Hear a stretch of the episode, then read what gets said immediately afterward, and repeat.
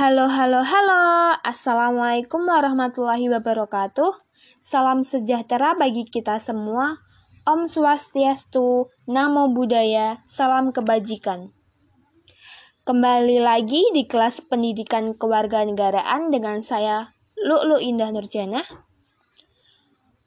Oke, sekarang saya akan membahas materi dengan tema upaya mengamalkan nilai-nilai Pancasila sebagai dasar negara dan pandangan hidup bangsa dalam kehidupan sehari-hari.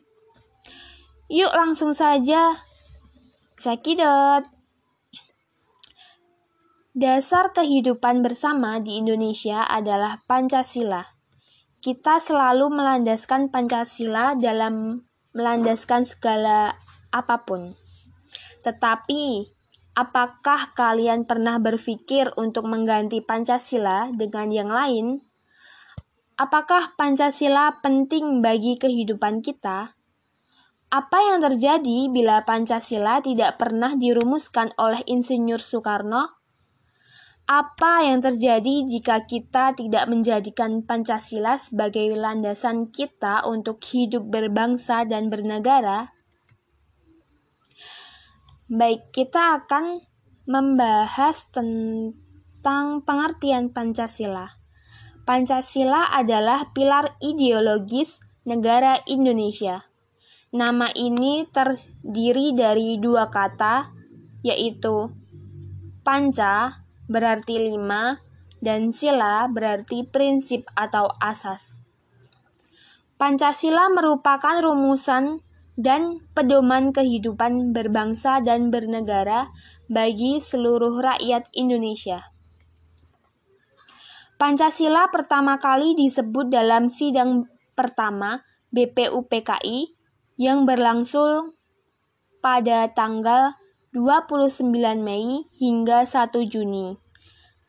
Tepatnya pada tanggal 1 Juni Insinyur Soekarno memperkenalkan lima sila yang terdiri dari kebangsaan Indonesia, internasionalisme, dan perikemanusiaan, mufakat atau demokrasi, kesejahteraan sosial, dan ketuhanan yang Maha Esa, maka lahirlah Pancasila.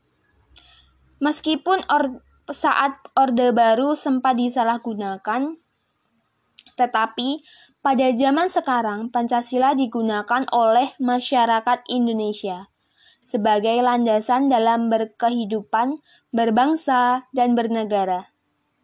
Masyarakat Indonesia sadar bahwa Pancasila itu sangat penting. Mereka mengimplementasikan Pancasila ke dalam kehidupan sehari-hari. Sila pertama, ketuhanan yang Maha Esa. Dalam kehidupan sekarang, setiap masyarakat Indonesia dijamin kebebasan dalam menjalani kepercayaannya masing-masing. Masyarakat kini dapat menjalani kepercayaannya dengan tenang tanpa gangguan intoleransi. Di sila ini, masyarakat juga diminta agar tidak menistakan agama lain dan harus menjunjung tinggi kerukunan umat beragama antara satu dengan yang lain. Sila kedua, kemanusiaan yang adil dan beradab. Di sila ini, semua warga negara Indonesia memiliki hak yang setara dalam pemenuhan kesejahteraan. Selain itu, juga kesetaraan dalam kehidupan yang layak, hak politik, hukum, dan semua hal yang telah diatur di undang-undang tanpa melihat suku dan ras warga negara Indonesia tersebut. Sila ketiga, Persatuan Indonesia. Di sila ketiga ini, semua warga negara Indonesia tidak boleh melakukan aksi-aksi yang dapat merenggangkan persatuan dan kesatuan negara kita, seperti melakukan tindakan terorisme intoleransi, gerakan separatisme, dan hal-hal yang serupa. Sebagai warga negara Indonesia yang baik, kita harus tetap menjaga keutuhan negara kita. kita harus menghindari tindakan-tindakan yang dapat memecah belah negara kita. Sila keempat, kerakyatan yang dipimpin oleh hikmat kebijaksanaan dalam permusyawaratan perwakilan. Dapat dilihat bahwa banyak sekali kasus ataupun masalah yang terjadi di negara kita yang menunjukkan penurunan sila keempat ini. Contohnya, banyak kasus sengketa pilkada yang harus berakhir di MK. Hal ini semakin parah karena masyarakat disuguhkan oleh matinya sikap dalam menghormati pendapat orang lain. Demokrasi dan rasa legowo di hati para pihak yang kalah seolah-olah sudah mati sejak lama. Sebagai warga negara yang baik, kita harus menghormati segala keputusan yang telah dirundingkan bersama. Meskipun kalah, kita harus lapang dada dalam menerima apa pun hasilnya. Sila kelima, keadilan sosial bagi seluruh rakyat Indonesia. Di sila kelima ini dapat dilihat bahwa tujuannya adalah agar seluruh warga negara Indonesia mendapat kesejahteraan dan keadilan yang merata. Seluruh rakyat Indonesia berhak mendapatkan penghidupan yang layak, penghormatan terhadap hak asasi manusia, perlindungan keamanan dan hukum yang seutuhnya, dan semua hal yang berkaitan dengan kesejahteraan warga negara. Meskipun banyak orang maupun pihak yang ingin memecah belah negara kita dengan mengganggu nilai-nilai Pancasila, kita tidak boleh goyah. Kita harus berpegang teguh pada Pancasila yang menyatukan Indonesia yang luas ini. Nilai-nilai Pancasila merupakan hasil kerja keras para leluhur kita yang ingin Indonesia dapat hidup dengan damai dan tentram kita sebagai anak muda harus bisa selalu menjaga keutuhan nilai-nilai Pancasila agar tidak pudar karena budaya-budaya luar yang masuk ke Indonesia. Apalagi sekarang, ancaman bisa datang dari mana saja, bisa dari internet, paham tidak benar, dan lain-lain. Berikut saya jelaskan, saya, saya sebutkan penerapan sila-sila Pancasila, yaitu yang pertama, penerapan sila ketuhanan yang Maha Esa.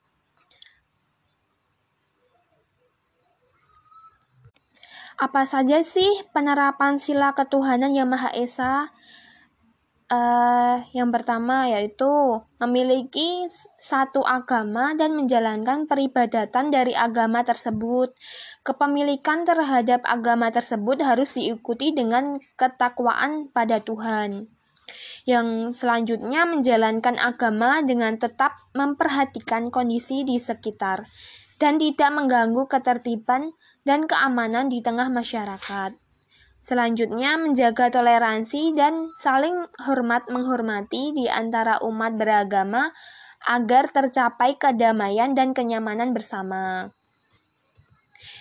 Kemudian penerapan sila kemanusiaan yang adil dan beradab, yaitu menghargai perbedaan di tengah masyarakat yang terdiri dari banyak suku, agama, ras, dan adat istiadat. Yang kedua, senantiasa menjaga adab atau kesopanan, kehalusan, dan kebaikan budi pekerti kita dalam berbagai kondisi. Yang ketiga yaitu tidak melakukan diskriminasi pada siapa pun.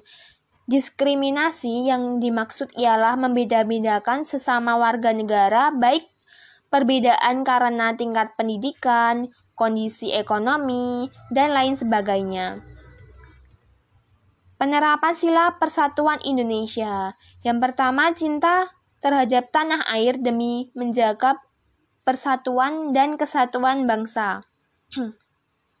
Yang kedua, mencintai dan mengonsumsi produk dalam negeri agar perekonomian menjadi lebih maju. Yang ketiga, mengutamakan segala kepentingan negara yang dilakukan untuk mewujudkan tujuan pembangunan nasional Indonesia. Kemudian penerapan sila kerakyatan yang dipimpin oleh hikmat atau kebijaksanaan dalam permusyawaratan dan perwakilan. Contohnya yaitu mengutamakan pengambilan keputusan dalam musyawarah mufakat untuk menyelesaikan setiap permasalahan dalam kehidupan kita. Apabila hal tersebut berkenaan dengan kepentingan dua orang atau lebih, ikut serta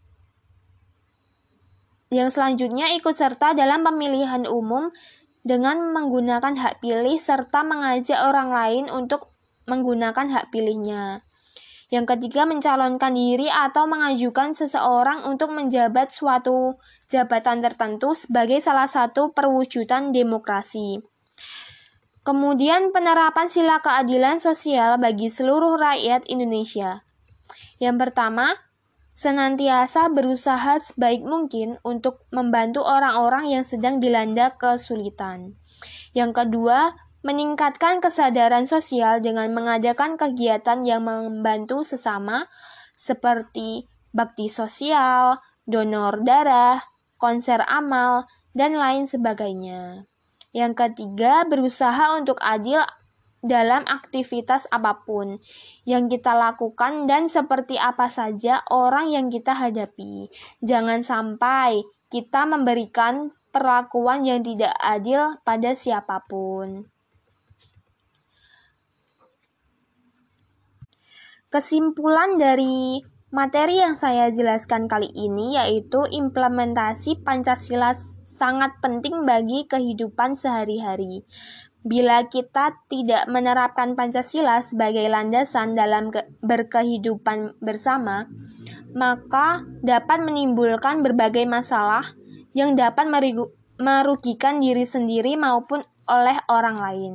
Oleh karena itu, kita tidak boleh lupa untuk selalu melandaskan Pancasila dan tetap menjaga keutuhan nilai dari Pancasila itu sendiri.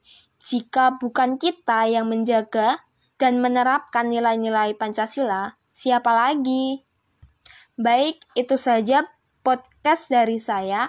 Jika ada kesempatan lain waktu, saya akan membagi materi lagi. Wassalamualaikum warahmatullahi wabarakatuh.